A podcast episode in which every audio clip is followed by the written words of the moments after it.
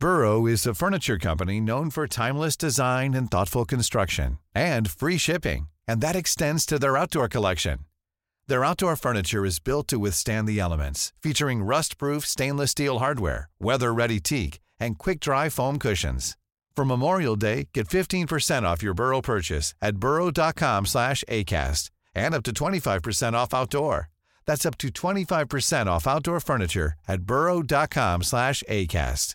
Hey, it's Ryan Reynolds, and I'm here with Keith, co star of my upcoming film, If, only in theaters, May 17th. Do you want to tell people the big news?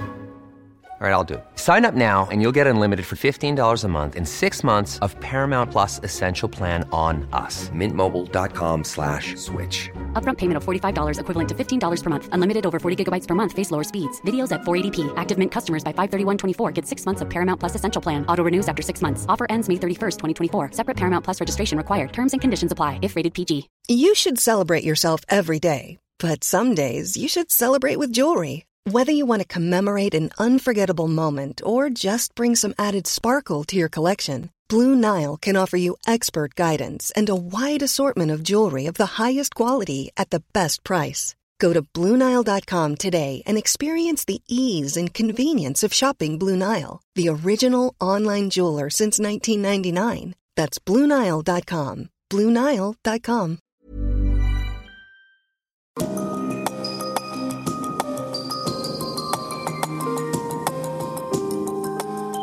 Du lytter til podkast fra Oslo Militære Samfunn.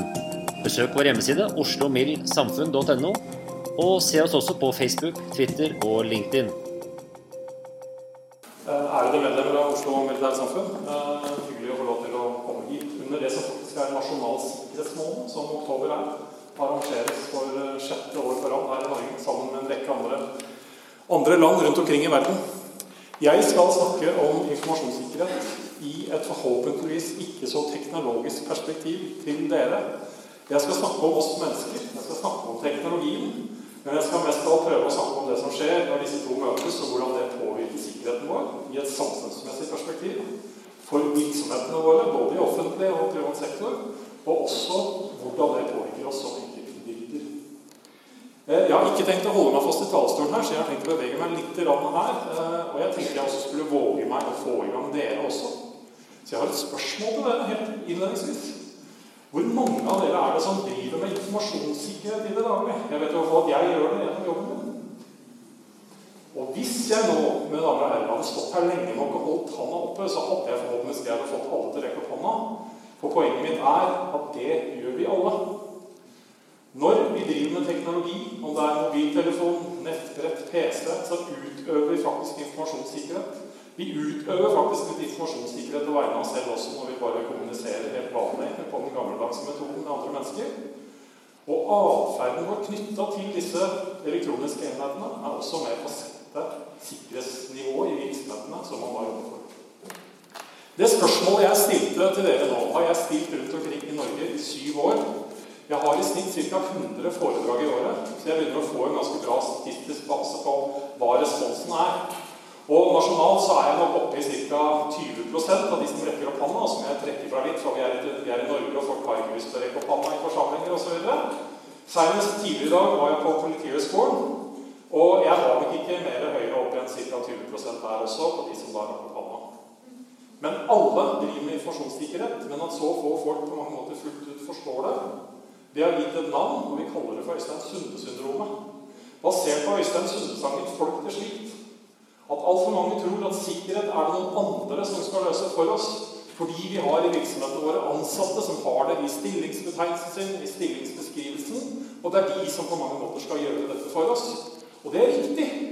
Men det som også er viktig å få med, er at for at de skal kunne løse den jobben best mulig, er de avhengig av at alle andre faktisk gjør en del elementære ting. Og det er det her jeg skal snakke litt om. Men først for å snakke litt om sikkerhet i et samfunnsmessig. Norge digitaliserer seg. Vi tar i bruk ny teknologi, nye løsninger. Og for at de løsningene skal fungere, at vi skal få ut effekten, verdiskapningen, så er vi avhengig av at de løsningene er trygge, stabile og til å stole på. Sikkerhet i dette perspektivet er faktisk med på å garantere for at vi skal få den verdiskapningen og gjøre det vi ønsker å gjøre med samfunnet vårt, når det kommer til å fornye oss. Men samtidig da, så ser vi også noen utfordringer ved at vi kan få nærmest det vi kan kalle en nedkjølingseffekt. Når 44 av landets befolkning sier at de har unnlatt å bruke altså digitale eh, tilbud pga. redselen for datakriminalitet. Hvis vi på mange måter ikke får til dette her på en bedre måte enn dette, så greier vi ikke å få alle til å ta løsninger som for det beste, for, for samfunnets kanskje da kan være til det beste. Men når sikkerhetsmennesker som meg snakker om sikkerhet, så skal dere også være litt skeptiske. For over tid så har sikkerhetsmennesker som meg snakket om sikkerhet som at det er det aller viktigste i hele verden. Og det er det ikke. Ikke nødvendigvis i et informasjonssikkerhetsperspektiv. I et sånn helse-, miljø- og sikkerhetsperspektiv så kan det være det viktigste. Men her er en påstand fra meg. Det finnes ikke en eneste virksomhet som er etablert i den hensikt å være sikker. Det er altså ingen virksomhetsidé i seg selv. Og Hvis jeg skulle fortelle litt om den virksomheten, så kan jeg si følgende. Den har ikke noe navn, den har ikke noe ansatt, og den driver ikke med noen ting. Da har den nådd det målet med å være sikker. Alt annet vil medføre risiko. Og sikkerhet er, skal være der for å understøtte det man faktisk driver med. Om det er å være i Forsvaret og løse Forsvarets oppgaver, eller er å drive en bedrift og understøtte bedriften med det bedriften faktisk forsøker å gjøre. Og god sikkerhet som er altså, behovet for sikkerhet opp imot trusler og risiko osv. kan sågar gjøre en bedrift i stand til å ta høyere forretningsmessig risiko hvis man greier å treffe riktig på dette nivået. Men sikkerhet blir ofte oppfatta som noe tungt og vanskelig, og som hindrer oss å gjøre ting. Da. Og da får vi kanskje et litt sånn eh, dualistisk budskap som det her. Hva velger man egentlig? Skal vi ta i bruk teknologien, eller skal vi høre på skiltet som sier at teknologi ikke er lov å bruke akkurat på dette stedet? Jeg tror jeg vet at de aller fleste kanskje hadde valgt det nederste valget, men det er et veldig i hvert fall et illustrerende budskap.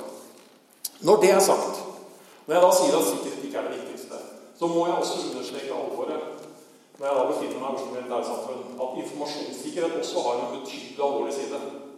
Fordi dårlig informasjonssikkerhet gitt i et perspektiv politi, forsvar, kan i ytterste konsekvens medføre indirekte tap eller direkte tap av menneskeliv. Så det er ikke sånn at vi ikke skal ha sikkerheten på alvor heller. Men hvis vi ser litt på den teknologiske utviklingen for å starte der, så kan jeg gå tilbake på 80-tallet, hvor jeg var lensmannsbetjent, og vi møtte en stor teknologisk revolusjon, og vi fikk tildelt mobiltelefoner, og den så sånn ut. Og man reklamerte sågar med at den var på 2,7 kilo, eller 4,1 med bærekassetten. Det var, jo, det var en revolusjon. Det var fantastisk. Vi kunne sågar bruke den til å ringe med. Men vi kunne ikke bruke den så veldig mye annet. Og den krevde heller ikke så veldig mye av oss, fordi vi var vant til å bruke vanlige telefoner. Og dette var ikke noe annet enn en vanlig telefon, bortsett fra at den var mobil. Men du kunne ikke gjøre så veldig mye annet med den da. Så den utfordra ikke oss sånn rent altså, Verken i stor grad atferdsmessig eller kunnskapsmessig. I dag er virkeligheten litt annerledes. Vi har dytta en rekke gjenstander, tjenester, duppedingser inn i denne enheten, som er mobiltelefonen vår. Og det er utrolig masse positivt å si om det. Men samtidig så er det også noen sårbarheter som skapes der. Fordi de aller fleste av oss jeg tror de aller fleste av oss er eier av denne i en eller annen forstand den såkalte smarttelefonen. Og Da er det faktisk viktig å forstå at det er et utrolig presist begrep hvis vi igjen forstår at det er telefonen vår som har blitt smart, og ikke vi. Men vi har en tendens til å tro at det er vi nå som nærmest ruler, bestemmer over hele verden og kan kontrollere alt som skjer, ved hjelp av denne enheten. Sannheten er at det er de færreste av oss, og inkluderer meg selv, som fullt ut forstår hva den enheten gjør, hva den er i stand til å gjøre, og det livet den lever både når vi bruker den og når vi ikke bruker den aktivt. Sannheten er at vi som forbrukere har fått et verktøy som i datakraft overgår datakraften til de datamaskinene som sendte mennesket til månen i 69. Jeg våger den påstand at ingeniørene hos NASA hadde litt mer kontroll og peiling på hvordan de maskinene fungerte, enn hva vi som forbrukere faktisk forstår av de enhetene vi bruker i det daglige. Og det er veldig mye positivt å si om den teknologiske utviklingen. Og jeg elsker de produktene mine selv. Men av og til skulle jeg også som sikkerhetsmann ønsket at vi tok noen steg litt eh, saktere at vi greier å forstå de sårbarhetene vi også skaper når vi digitaliserer oss. For verden var litt enklere før. Når Norge sto overfor den store datakatastrofen i 1988, så ble den løst ved at man fikk en telefon fra USA. Og så dro man ut kabelen til Internett, som befant seg på Kjeller, FFI, utenfor Lillestrøm. Og det er den man står med i handa her, og man fikk over hovedoverskriften i Aftenposten. Den eksisterte faktisk som en kabel. Norge var land nummer to som faktisk fikk Internett i Norge, altså i, i, i bruk. Eh, bare De slo eh, Storbritannia bare med noen eh, titalls minutter. Hadde denne kabelen eksistert i dag i form av en knapp eller, eh, eller, en, eller en eh, kabel, så hadde Nasjonal sikkerhetsmyndighet garantert sagt følgende om den knappen eller kabelen at den må vi aldri finne på å ta ut eller trykke på. For konsekvensen av det ville være betydelig mer alvorligere enn det man eventuelt forsøkte å forhindre ved å trykke på den knappen. For vi har ikke eh, på mange måter god nok forståelse ennå over alt det dette faktisk medfører. Og i vår iver etter å digitalisere oss, så syns jeg også at det er noe å tenke på at vi har gått ifra å være et samfunn som hadde stortingsdebatt hvorvidt nordmenn skulle ha fargefjernsyn Det brukte vi altså politisk diskusjonstid på. Til å nå klage over at digitaliseringen går for sakte, uten at den nødvendigvis blir behandlet i så stor grad på hva vi egentlig ønsker å oppnå. Og vi skaper disse sårbarhetene, da. Vi forventer at teknologien fungerer. Men samtidig så er vi avhengig av, eller altså vi utfordres av, at det skjer teknologisk feil, menneskelig svikt, og noen ganger utsettes vi også for dessverre bevisste handlinger fra enkeltpersoner, organisasjoner eller stater som gjør noe med vårt moderne samfunn. Og når Telenor og NetCom ikke greier å levere telekomtjenester et par timer så er jeg mest fascinert egentlig over at vi får overskrifter som dette i VG.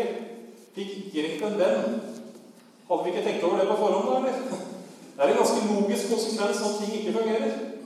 Men det kan også i den forstand at vi bare vi går rundt med en forventning om at dette skal være der 24 timer, 7 dager i uken. Så forstår vi ikke hvor sårbart dette faktisk er, og hvor utsatte vi er at det faktisk ikke er der når vi trenger det som mest. Og da må vi kanskje erkjenne at vi trenger det som mest i et moderne samfunn 24-7. Og når politiets datatjeneste går ned for noen timer, så er de bokstavelig talt tilbake på penn og papir. Og når det går ned for andre gang innenfor en kort tidsramme, så kan man da si at det kan være pinlig og helt utrolig. Men vi må samtidig erkjenne at disse tingene kan skje. Og en av de tingene vi har eh, kommunisert til en viss grad, er at kritiske samfunnsfunksjoner noen ganger når de gjennomfører krise- og beredskapsøvelser, faktisk ikke skal bruke noe annet enn penn og papir. For det er ingen garanti for at de kommer til å ha andre verktøy tilgjengelig i de gitte scenarioene som beskrives. Men man kan også til en viss grad oppleve litt sånn ønske om at man skal ha denne bobla at alle verktøyene skal være der. At man egentlig ikke ønsker å tenke tanken på at det faktisk ikke nødvendigvis er der, til tross for at man egentlig er enig om scenarioet man øver på. Og så er det iveren vår etter naturlig nok å forsøke å sikre denne teknologien. Og da møter vi av og til argumenter som at dette realiteten løses ved å kjøpe enda mer teknologi. De som hevder det, hevder jeg at de knapt nok forstår problemet eller teknologi i seg selv. For teknologien kan hjelpe oss til veldig mye, men samtidig er teknologien også en del av problemet. Så hvis vi ser litt på det som en problemstilling, da, så kan vi ha så sikker teknologi vi bare vil i en rent teknisk forstand. Men hvordan spiller det inn når denne teknologien møter mennesket? Så når Oslo legevakt inviterer inn eh, NRK Dagsrevyen i beste sendetid for å filme inne på operasjonssenteret til Oslo legevakt. Og det er ikke operasjonsstua, det er operasjonssenteret hvor datamaskinene står. Og lar de filme der, så kan man da seinere på Dagsrevyen i full HD-oppløsning på TV-skjermen sin uten særlig problemer se telefonnumrene som ringer til øyeblikkelig hjelp Oslo legevakt. Dette er et brudd på personvernet. Og når man i tillegg fikk med seg de gule lappene som hang der med brukernavn og til flere av systemene, så hadde man liksom toppa det hele. NRK-tabbe, sier Dagbladet i dette oppslaget her. Det kan godt diskuteres. NRK stakkar har ikke gjort noe annet enn å filme der de ble invitert inn til å filme. Og etterpå så gikk de inn og sensurerte innslagene som ligger ute på internett, som man kan se i ettertid. Så de har fått forsøkt å redusere nå skadevirkningene. Men de som egentlig eier problemet, de sitter veldig rolig i båten og ikke sier noen ting. Nå skal jeg ikke henge ut Oslo legevakt her som et eneste eksempel, for dette har både politiet og Forsvaret greid å gjøre før det. Men vi kan altså ha så god teknologi og så sikker teknologi som vi vil, men la den møte brukeren, kulturen vår og atferden, så går det litt galt til tider. Og jeg vet ikke om forsamlingen har hørt om begrepet CEO-svindel. Men det har det siste året, spesielt i sommer, vært en rekke svindelforsøk mot altså toppledere i norske bedrifter. Og den høyeste eh, summen som er svindlet, er altså en halv milliard kroner. Som da de datakriminelle har fått med seg. Dette defineres som datakriminalitet. Men hvis jeg spør dere er dette et teknologisk problem? Nå skal jeg ikke forutsette at dere vet hvordan sånne svindler fungerer, men denne svindelen på en halv milliard kroner er utført ved å sende to e-poster. Ikke noe mer. Og så har man hatt en digital transaksjon i ettertid hvor man har betalt ut pengene. Det er altså ikke teknologien som utfordrer oss her. Det er mennesker som svindler andre mennesker ved hjelp av teknologien som verktøy. Det er ganske tradisjonelle svindlermetoder, faktisk. Men vi har en tendens til å problematisere dette veldig og gjøre dette til et betydelig mer teknologisk spørsmål enn det det egentlig er, i stedet for å gå i grunnkjernen og se litt på hvordan vi som mennesker faktisk fungerer, og av og til hvor lettlurte vi kan være når disse tingene treffer oss. Og når vi og andre organisasjoner går ut og advarer mot det som skjer, da står vi også overfor profesjonelle aktører, de kriminelle, som er like dynamiske og profesjonelle som oss. Så når vi får advart om en konkret hendelse, så gjør de noe annet, og så kommer de til dette tilbudet. Og det er jo dette som er svindelen. Selv om det ser ut som et godt tilbud for å sjekke om kredittkortet ditt nå har blitt eh, hacket. Og vi gjør det heller ikke enkelt for mennesket når vi da skal gi forskjellige råd. Jeg skal ta et eksempel som jeg er nesten sikker på at de aller fleste av dere som da bruker teknologi i en eller annen form, eh, har møtt. Og Det er spørsmål knyttet til passord. Og passord er ikke noe som er løst enda, til tross for en rekke forsøk. Og det er noe som kan av og til være betydelig fortvilende for å være en av oss. Men hvis vi ser litt på hva slags sikkerhetsråd som, som min bransje da gir en passord, så sier at du skal ha unike passord. Og det er egentlig det er viktig. Du skal altså ha ett unikt passord per tjeneste du bruker. Så skal de være lange. Så lange som mulig, egentlig. Og så skal de være komplekse. Så de skal inneholde noen rare tegn og, og tall og litt forskjellig. Og så skal vi huske dem. Dette er jo enkelt. Og så kan vi toppe det hele ved at noen organisasjoner for det er spesielt organisasjoner som gjør dette virksomheter, som forlanger at du skal bytte de ofte også. Dette er ikke menneskelig mulig. men. Det er noe jeg hevder. Det er iallfall et særdeles fåtall i Norges som er i stand til å huske unike passord i den kvanta som vi faktisk har behov for. For gjennomsnittstallene for Ola og Kari Nordmann i dag i vårt moderne samfunn er at vi i hvert fall skal ha 15 av disse. Og det lar seg ikke gjennomføre. Men til tross for det så er dette rådene som i realiteten gis. Og Hvis jeg skulle analysere dette her litt, så vil jeg hevde som følgende at dette er råd vi har tatt med oss fra den analoge hverdagen, hvor ting var betydelig enklere. Og jeg kan si at jeg på 80-tallet hadde to ting i livet mitt som jeg da skulle, huske, for jeg fikk lov til å skrive med. Og det var PIN-koden til minibankkortet mitt. Og så var det C-kombinasjon på safe på kontoret. De to tingene var faktisk mulig å huske. De ble ikke bytta så ofte heller. Og I tillegg så hadde jeg ikke mobiltelefon, så jeg ble stand til å huske en del telefonnummer. Men dette her dette er isolert sett veldig gode og sikre råd rent sikkerhetsmessig. Men de står ikke nødvendigvis møte med virkeligheten. Og Da skal jeg illustrere hvordan da virkeligheten ender opp med å bli. Jeg begynte i Nasjonal sikkerhetsmyndighet i 2003. De ble jo da etablert 1.1.2003. og altså videreført fra å være Forsvarets overmann og Sikkerhetsstaben. Men man hadde jo da et behov for å markedsføre den nye organisasjonen Nasjonal sikkerhetsmyndighet. Og det gjorde man jo tradisjonelt ved å dele ut forskjellige gadgets, ting og tang, kopper og ikke fat nødvendigvis. Men en av de tingene i den nye hverdagen var jo da veldig populær ting å gjøre. Det var å dele ut musematter med vår logo på. Så denne ble spredt rundt omkring i statsforvaltningen. Og da er det også sånn at Nasjonal sikkerhetsmyndighet eh, også har tilsynsansvar overfor offentlig sektor. Og da var det jo ganske interessant å komme senere til blant annet, for det var der vi fant det, en militær avdeling som hadde tatt i vår bruk vår bruk for musematte. Men samtidig hadde gjort noe litt mer kreativt med den. De hadde nemlig også kjøpt en stempel. Et god, gammeldags analogt stempel. Og så hadde man stempla musematta vår. Og det er det som står øverst her. Skriv ditt passord her, slik at du ikke behøver å ringe. Eh, altså. Så kunne man her skrive ned brukerne passord til det graderte datasystemet som man da hadde. Vi kan jo le av det. altså Man kan være bekymret ut fra sikkerhetsforstand. Men jeg er en av de som velger å se dette at dette er en reaksjon på at vi har, altså, vi har noen, et sett med regler som ikke, er, som ikke er lett å følge for oss som mennesker. Og Dette handler ikke om at mennesker altså, møter oss med vond vilje og at vi ikke vil dette her. Det handler faktisk om evnen til å forstå hvordan vi som mennesker fungerer. Og nå har jeg et nytt spørsmål til dere. Er det noen av dere som vet hvor dette her er? Den?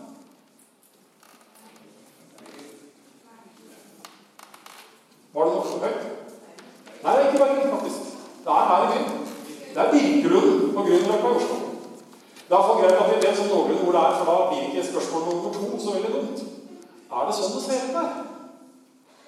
Vel, det er iallfall sånn landskapsarkitektene, de som bygde parken, lagde produktet, hadde tenkt det skulle se ut. La oss utsette denne parken produktet for møte med brukerne. Ser dere forskjellen, folkens? Vi er bygd opp til å ta snarveier. Når vi møter motstand, så begynner vi automatisk som mennesker etter å lete etter snarveiene for å gjøre de og komme dit vi eventuelt vil. Og Hvis vi da ikke forstår behovet for sikkerhet, og hvis vi da i tillegg opplever at sikkerhetstakene som eksisterer, de er tunge, vanskelige, de hindrer meg å være tilgjengelig, mobil, produktiv, altså gjøre jobben min, ja, da gjør vi dette her. Og så får vi, best, altså, så får vi sikkerhetstiltak som best kan illustreres ved dette bildet her. Dette er innimellom det vi kan se i virksomheter som har gjort alt de grunnleggende tingene rent altså skriftlig. De har dokumentert hva prosessene skal være. Det er skrevet i reglement, policy, instruks. Men det er ikke godt nok kommunisert. Tiltakene er ikke godt nok forstått. De kan kanskje også være altfor alvorlige i forhold til det reelle behovet som er. Og så får vi disse reaksjonene. Det kan andre underliggende årsaker også, men det er iallfall noe man må vite om når man jobber med sikkerhet. Også ikke minst fra et ledersperspektiv. Så sikkerhet er ikke bare et spørsmål om teknologi. Det er et spørsmål om hvordan vi som mennesker tar i bruk teknologien. Det er et spørsmål om hvordan vi implementerer den, hvordan prosesser vi har, altså hvordan vi organiserer oss. Og det er også et lederspørsmål. Og så handler det også betydelig litt om sånne som meg, om hvordan vi bl.a. kommuniserer dette med sikkerhet. Jeg skal nå flytte blikket til trussel- og risikobildet slik vi opplever det. Og da presiserer jeg at jeg nå snakker om eh, det vi kaller det digitale rom, eller cyberspace er også et annet begrep. Men vi befinner oss i et digitalt våpenkappløp. Hvor vi har aktører som prøver å gjøre det vi ønsker å gjøre med oss, til sine fordeler, og hvor vi forsøker å hindre de å gjøre det med våre metoder. Her er det sannsynligvis ingen som kommer til å vinne i seg selv. Men det er en ganske viktig forståelse å faktisk erkjenne at vi befinner oss i dette kappløpet. For her handler det da ikke mens om å komme først til målstreken, men å være i hvert fall noen som greier å henge med det heatet, som går fortløpende, og som ikke er på 100 meter, 1000 meter eller 10 000 meter. Det er en fortløpende sak som pågår 24-7, det også. Og sammen med Politiets sikkerhetstjeneste og Etterretningstjenesten har Nasjonal sikkerhetsmyndighet over flere år kommunisert dette, at vi ser en høy etterretningsaktivitet mot norske interesser. Det retter seg da ikke bare mot offentlig sektor. Det er vel så gjerne den private delen av vår sektor. Det drekker seg av en rekke altså sektorer som kanskje man ikke tradisjonelt har tenkt på når vi snakker om ord som etterretning, spionasje. Eh, dette handler med at i det digitale rom så henger disse tingene sammen. Man er avhengig av hverandre. Og det å gå inn i én sektor kan like gjerne bety at man er i stand til å komme seg over i en annen sektor hvis man er interessert i det. Det som pågår av aktivitet, eh, er ofte skjult. Og som publikum så vil man da, eller det offentlige, vil i realiteten bare se eh, Jeg vet ikke om jeg skal si prosent eller, eh, eller promille av det som i realiteten skjer mot det norske samfunn. This is Paige, the co-host of Giggly Squad, and I want to tell you about a company that I've been loving, Olive and June. Olive and June gives you everything that you need for a salon quality manicure in one box. And if you break it down, it really comes out to $2 a manicure, which is absolutely insane. It's also so easy to get salon worthy nails at home with Olive and June. The difference between how your nails used to look when you did them yourself and now with the Manny system is a complete game changer. The best thing about Olive and June too is it's a quick dry, dries in about one minute, lasts for five days, and full coverage in up to one to two coats. Visit oliveandjune.com slash perfectmanny20 for 20% off your first system. That's oliveandjune.com slash perfectmanny20 for 20% off your first system. Burrow's furniture is built for the way you live. From ensuring easy assembly and disassembly to honoring highly requested new colors for their award-winning seating, they always have their customers in mind. Their modular seating is made out of durable materials to last and grow with you. And with Burrow, you always get fast, free shipping. Get up to 60% off during Burrow's Memorial Day sale at burrow.com slash ACAST. That's burrow.com slash ACAST. burrow.com slash ACAST.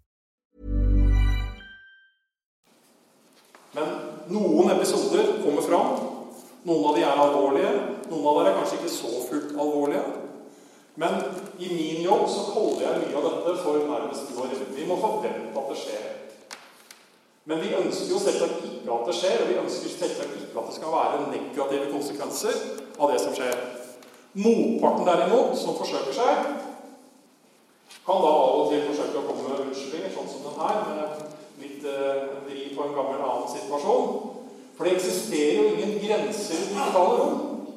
Det vi faktisk må forstå, er at vi er en del av en helt tilknyttet verden, hvor man i dag like gjerne kan sitte bak en kontorstol i Sør-Amerika og gjøre handlinger mot oss, hvor man før måtte geografisk være til stede, og hvor også tiltakene for å forhindre det var betydelig mye enklere. Som polititjenestemann hadde man et innbrudd i et hus i et boligfelt, så kunne, og det ble oppdaget, så satte man inn flere ressurser i boligfeltet for å finne gjerningsmannen. For han var et eller annet sted i en eller annen omkrets. Når vi utsettes for innbrudd i det digitale rom, så kan vi begynne å skue utover hele verden. Og problemet med å detektere og oppdage at det helt har skjedd, er også betydelig utfordrende. Når man snakker om informasjonssikkerhet, og spesielt da Ikke spesielt fordi jeg ikke gjelder meg også utenfor, men det handler ikke bare digitalt, så er det disse tre prinsippene som er viktige. Konfidensialitetsprinsippet. At vi rett og slett har informasjon som vi ikke ønsker at alle andre skal se, og vi ønsker å holde disse kortene litt tett til. Vi har massive forsøk hver eneste dag mot enkeltindivider, norske bedrifter og den norske stat på å hente ut informasjon som ikke nødvendigvis er ønskelig at alle andre skal ha tilgang på. Og dette er alvorlig. Men samtidig ser også vi fra et statsperspektiv at vi også har aktører som må defineres som andre stater, som i større grad må interessere seg ikke bare for å hente ut informasjon, men å få fotfeste i våre plattformer og systemer med det potensialet at man kan begynne å tukle med informasjonen som er der. Eller at man er i stand til faktisk å ta over kontrollen over systemene og slå de av når trusselaktøren, som vi kaller det, føler at det er tid for å gjøre det. Og Da må man også forstå at de jeg nå snakker om, er ikke interessert i å tjene 100 dollar, stjele et kredittkort. De er ute etter dette i et helt annet perspektiv. Og at de kommer fram til muligheten til å f.eks. slå av et system, betyr ikke at de kommer til å slå av. For oppgaven deres er å komme fram til den muligheten. Fordi deres land ønsker å ha det som en opsjon i en potensielt kommende konflikt som kan skje om to uker, to måneder, to år eller aldri. Men det er ikke ønskelig at vi faktisk skal være i stand til å nå fram til den knappen, hvis jeg skulle illustrere det på den måten. Vi ser også den siste tiden et betydelig veiskille innenfor hvordan man også må i bruk informasjon som man har vært inne i systemet og hentet, altså konfidensialitetsperspektivet dette. Når man tidligere ønsket å ikke engang la eieren av systemet få vite at noen har vært inne, og man henta ut informasjon, og man brukte denne informasjonen veldig subtilt og i det skjulte, så ser vi nå eksemplene bl.a. fra den amerikanske presidentvalgkampen, hvordan man bruker dette som virkemiddel. Man er inne og stjeler informasjon, og man dumper det ut og lar på mange måter spillet gå sin gang. Hvor sterkt dette påvirker den amerikanske valgkampen eller ikke, skal ikke jeg påta meg å, å bedømme. Men eh, vi må kanskje i større grad ta det som skjer i dette digitale domenet, og ta dette på alvor, kanskje i enda større grad enn hva vi gjør. Ikke at vi ikke har gjort det før, men, å forstå dette i et perspektiv hvor dette har en særdeles sterk kraft, også når man ser det sammen med andre eh, type eh, hendelser eller forsøk. Og Det er ikke sånn at dette bare skjer i USA. I sommer så har vi to norske partier som også ble hacket, hvor man mista e-postinformasjon. Nå skal det sies at konsekvensen av det overhodet ikke har vært synlig i det norske samfunnet. Og det er for øvrig en norsk ung mann som er pågrepet og sikta for, for disse datainnbruddene. Så konsekvensene her har på ingen måte vært sammenlignbare. Men det betyr ikke at det ikke kan skje igjen, og at konsekvensene kan være helt annerledes for det norske samfunnet. Så vi må forstå at vi står overfor aktører som tenker seg dels langsiktig, hvor det til tider kan være vanskelig å forstå hva som er hovedmålet med hva de forsøker å gjøre. Og vi står sånn sett overfor et trussel- og sårbarhetsbilde som vi kaller det, som er komplekst. Det utfordrer oss eh, på vår egen kompetanse. Og Norge, som de aller fleste andre land, har et kompetansegap. Et skrikende behov for mennesker med IKT-kompetanse og også IKT-sikkerhetskompetanse. Og vi er ikke godt nok til å se på dette heller som et helhetlig problem. Jeg har sagt dette før, og jeg sier det igjen. Og jeg er ingen sånn sett motstander av sektorprinsippet i Norge. Men sektorprinsippet i Norge har et problem med seg, og det er at de ikke respekterer de stadige trusselaktørene som herjer med oss. Og Dermed så gjør det det litt vanskelig å skulle da håndtere dette i et helhetlig perspektiv. Og vår dom ut fra det vi gjør gjennom tilsyn, hendelseshåndtering og andre forhold som vi involveres i overfor det norske samfunn, er at det dessverre er for lett å hente ut informasjon fra AS Norge sånn som det er i dag. Og når vi selv tester hvor robuste våre systemer er NSM har egne hackere hvor vi driver såkalt pen-testing, penetrasjonstesting, for å teste hvor sikre våre systemer er, så er dommen dessverre at vi kommer inn hver eneste gang. Og mine kolleger som driver med det, sier at innimellom så skal de ikke langt ned i sin verktøykasse før de faktisk også lykkes med dette. Dessverre. Når en del av disse hendelsene også blir kjent i det offentlige, så er det også litt symptomatisk på hvordan vi reagerer i Norge. Hvor reaksjonsmåten vår innimellom er mer overraskelse over at trusselaktørene eksisterer. Og så er det det som egentlig opptar oss. Vi er sjokkert over at de er der, og vi er sjokkert over at de er så kyniske at de driver med dette her. Og da kan man få lett, kanskje lett å lyst til å si dette som står her. Stop spying. Det er fint, det. Men det har vært der siden tidenes morgen og kommer sannsynligvis til å fortsette, uansett om vi vil eller ikke. Og her er en nyhet som vi da det, det er jo ikke en nyhet, men jeg kan presentere den kanskje på en måte. Lille Norge, selv i samarbeid med mange andre, får ikke gjort noe med at disse trusselaktørene eksisterer. Vi får ikke gjort noe med at de har kompetanse. Vi får ikke gjort noe med at de har vilje. Til tider så kan vi tukle litt med deres gjennomføringsevne ved at vi gjør det vanskeligere for dem. Disse aktørene utnytter sårbarheter knytta til vår teknologi, våre prosesser og oss som mennesker. Men våre egne sikkerhetstiltak består av akkurat de samme elementene. Og vår egen evne til sikkerhet handler til syvende og sist om vår egen kompetanse, vilje og gjennomføringsevne. Og vi skulle gjerne sett at enda flere tok det inn over seg ved at man faktisk konsentrerte seg om å gjøre noe med de tre, to linjene under her. At de selv faktisk gjorde noe med det som var mulig å gjøre noe med, i stedet for å klage over at trusselaktørene er der og eksisterer. For det blir litt sånn når Karius og Baktus klager eller skrek til tannbørsten eller boret. Hei, vil du holde opp med det der?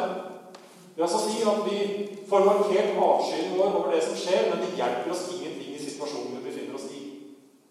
Men det har vi faktisk et betydelig forbedringspotensial til ved å adressere de tingene vi faktisk selv kan gjøre noe med, og gjøre både systemer, prosesser og mennesker mer robuste. Nå har jeg overfor dere brukt ordet hackere. Hacking. Og nå skal jeg stille dere et spørsmål igjen. Hvordan ser en hacker ut? Hva slags visuelt bilde får dere i hodet når jeg bruker et sånt ord? For jeg våger den påstanden men da det, at vi sannsynligvis i stor grad får bilder som det her. Hackeren med finlandshette eller hettegenser og hansker. Um, de eksisterer. Men det er et problem for oss faktisk at, vi, eh, at, at dette er bildet. For det blir litt, litt tendensiøst og useriøst i forhold til de utfordringene vi faktisk står overfor. En hacker kan like gjerne se sånn ut. Og når hun går på jobben, for det er det hun faktisk går til, så kommer hun på en arbeidsplass som er like profesjonell som vår. Hun har høy kompetanse, hun har kolleger med høy kompetanse. De har klare arbeidsoppgaver, og dessverre så består de arbeidsoppgavene seg inn våre datasystemer. Og så har de en plan A, B og C og D for hvordan de har tenkt å gjøre det. Og så har de tenkt å holde på en stund. Og de gangene vi i samarbeid med både Etterretningstjeneste, Politisikkerhetstjeneste og andre, f.eks. Cyberforsvaret, er i stand til å se hvor disse menneskene befinner seg i verden, og vi ser hva lokaltid er, hvor hun da fysisk sitter, så ser vi at hun tradisjonelt går på jobb klokka åtte, hun går opp fire. Hun jobber ikke helger, hun jobber ikke overtid, for hun er statsansatt i landet hun kommer ifra, og befinner seg aller øverst i pyramiden her, innenfor grupperingen de kaller Advanced Persistent Threat. Kort og godt i stor grad statlige aktører, eller statssponsede aktører, men noen yttergrupperinger av miljøer man kan definere som hackermiljøer eller kriminelle miljøer, med en kompetanse som gjør det betydelig krevende for oss å beskytte våre systemer og vår informasjon. Det betyr ikke at man ikke må håndtere de som er under denne linja òg, men i et statsperspektiv så kan vi si at det gjør vi egentlig. Eh, vi hadde ikke fungert som samfunn hvis vi ikke hadde fundert disse sånn fra dag til dag. Men det er ikke det at det ikke er en utfordring for oss som enkeltindivider, våre norske små og mellomstore bedrifter osv. Men hva vi er i stand til på toppen her, det har vi faktisk kanskje ikke full oversikt over. Og det er enda ingen av de såkalte supermaktene, eh, hvis det er mer enn én igjen i verden eh, i dette domenet, som fullt ut har vist sin kapasitet når det gjelder altså cyberkapasiteter. Men hvorfor er det da viktig å sette mennesket i fokus i forhold til dette? Når vi nå står, nå står og snakker om stater og statsfinansierte organisasjoner. Jo, for at angrepsvåpen nummer én fra disse, uansett hvor de befinner seg i pyramiden, det skjer i oss via disse uskyldige, fine e-postene som vi får. Som da inneholder et ønske om at vi skal gjøre et eller annet som gjør det mulig å starte det digitale angrepet. Hvor en klikk på en såkalt link eller et vedlegg er starten og testen på hvor gode er våre forsvarsmekanismer, og hvor avansert er angriperen, hvilke mekanismer bruker angriperen for å lykkes hos oss. Det betyr ikke at hvis man klikker på linken, så er angrepet vellykket. Vi har store, store tall hvor vi avviser angriperen. Men noen ganger lykkes de selvsagt. Og når olje- og energibransjen blir angrepet eh, i det som media kaller Norges historiens største dataangrep, med over 500 norske selskaper, så skjedde det gjennom e-poster sendt ut til 600 nøkkelpersoner. Og det er ikke tilfeldig hvilke personer som får de e-postene. Her er det gjort et betydelig godt stykke arbeid på forhånd. Og det skal ikke så mye til for å nå Forsvaret heller. Dette er et eksempel, og teksten her er veldig liten, og jeg skal ikke bruke tid på dette. Men det er rett og slett en e-post som sier at det er en økonomisk eh, interessekonflikt mellom Forsvarets eh, fagforeninger og den sittende forsvarsledelsen. Det skal ikke mange e-poster ut med en mil.no-adresse før offiserer og ansatte klikker på den linken, for man må gjerne vite hva som kommer. Og så starter det digitale markedet. Verden har utvikla seg, men vi skal ikke snu mye på budskapet fra der hvor man kunne advare folk om å være fra løssluppne, eh, til at man også er det i det digitale rom. Og når Forsvaret i 2007 eh, gjorde det vanskelig for ansatte i Forsvaret å bruke Facebook, så gikk det fire timer før den første Facebook-gruppa ble oppretta med denne overskriften 'Hvordan lure FIS basis kronenivå'. Altså det vil altså si hvordan allikevel sitte på arbeidsplassen og bruke systemet og være på Facebook. Det sier litt om ønsket om å da ta i bruk denne teknologien. Det er ikke sikkert det sier så mye om forståelsen av sikkerheten, men det er noe annet. Og når norske offiserer og soldater som hadde eller tjenestegjorde i Afghanistan, plutselig fikk henvendelse fra denne hyggelige damen her, vi er igjen tilbake i 2014 så var ikke det tilfeldig. Og så kan man lure på hvorfor ønsker man å bli venn på Facebook med oss. Og det er kort og godt så enkelte tider at det handler noe om å kunne se litt mer på hva vi sier og gjør sånn rent generelt. Men det handler også om å skaffe seg muligheten for faktisk å se ting når vi skriver og sier ting vi også ikke burde ha sagt på denne tjenesten og denne plattformen, slik at man er i stand til å fange opp det. For det gjør vi.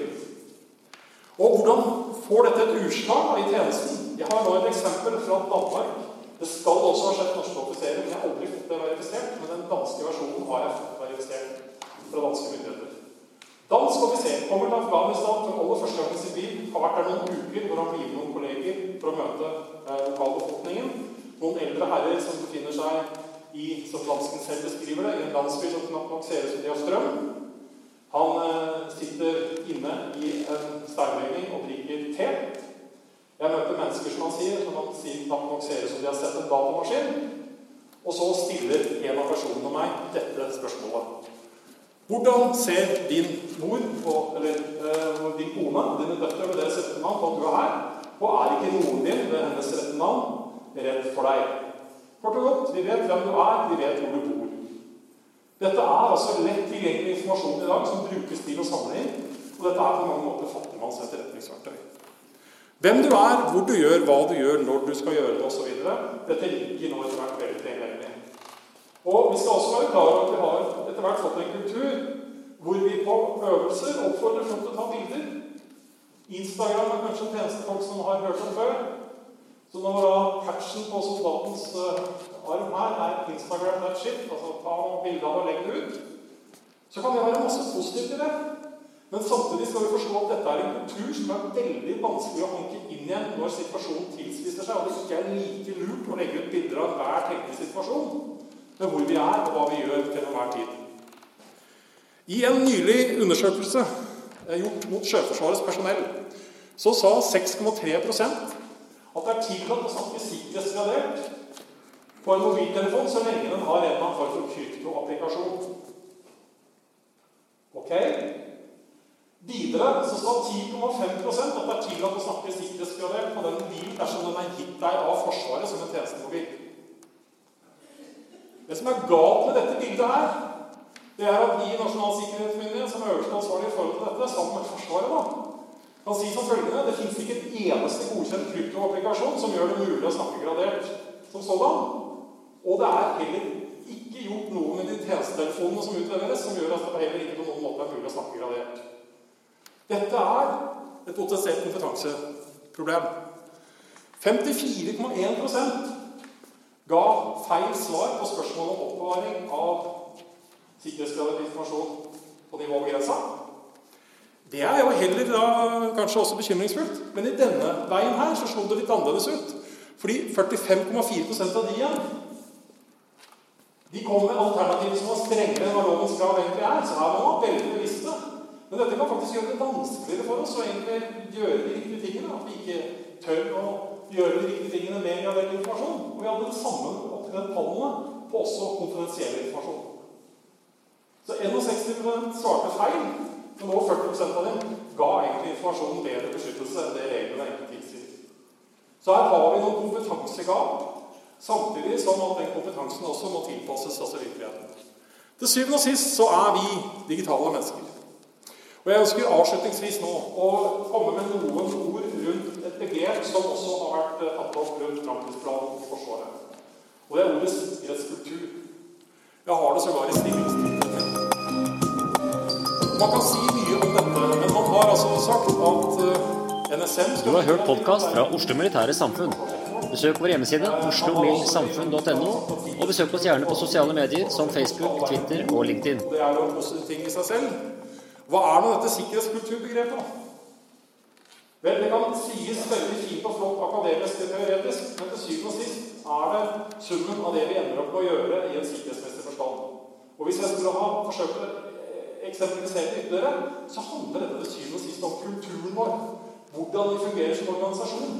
Bare at bitte liten del av det også handler om hvordan vi fungerer rent sikkerhetsmessig, og hvor god sikkerhet vi er i stand til å få. 22. juli-kommisjonen sa bl.a. noe om sikkerhetskultur.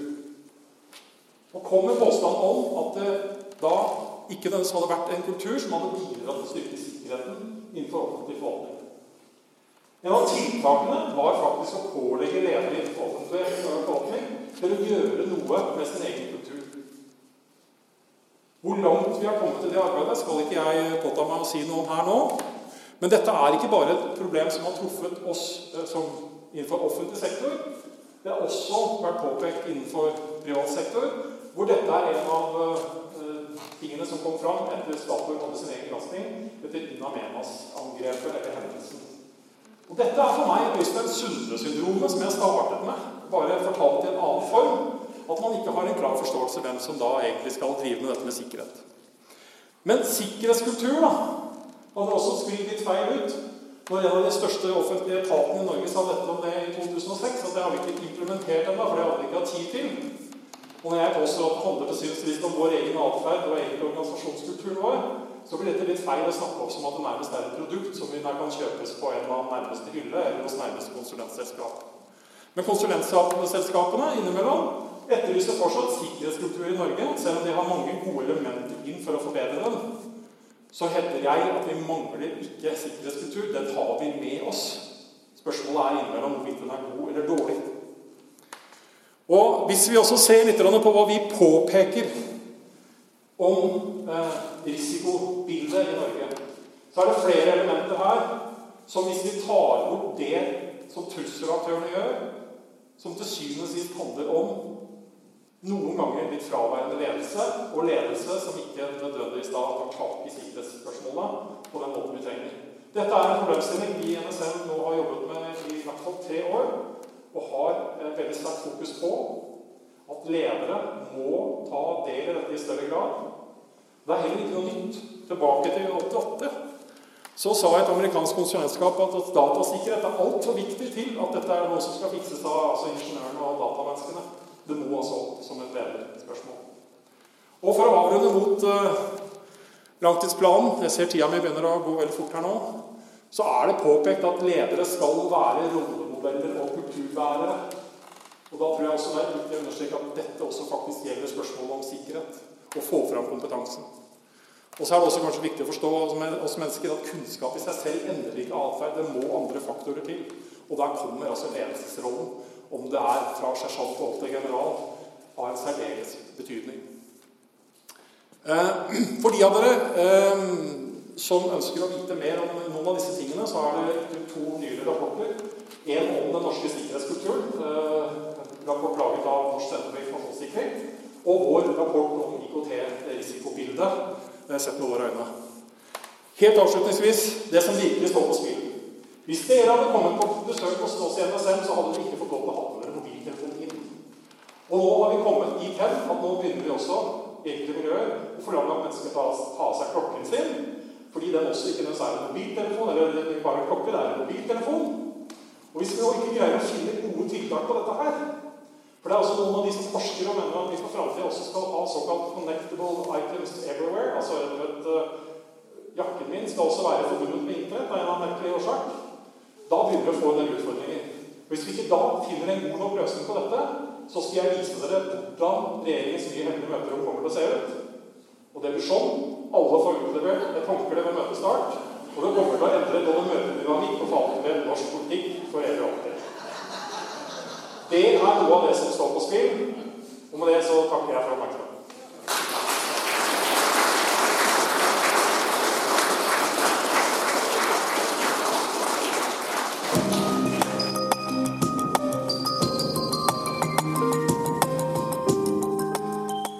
Du har hørt podkast fra Oslo Militære Samfunn. Besøk vår hjemmeside oslomildsamfunn.no, og besøk oss gjerne på sosiale medier som Facebook, Twitter og LinkedIn.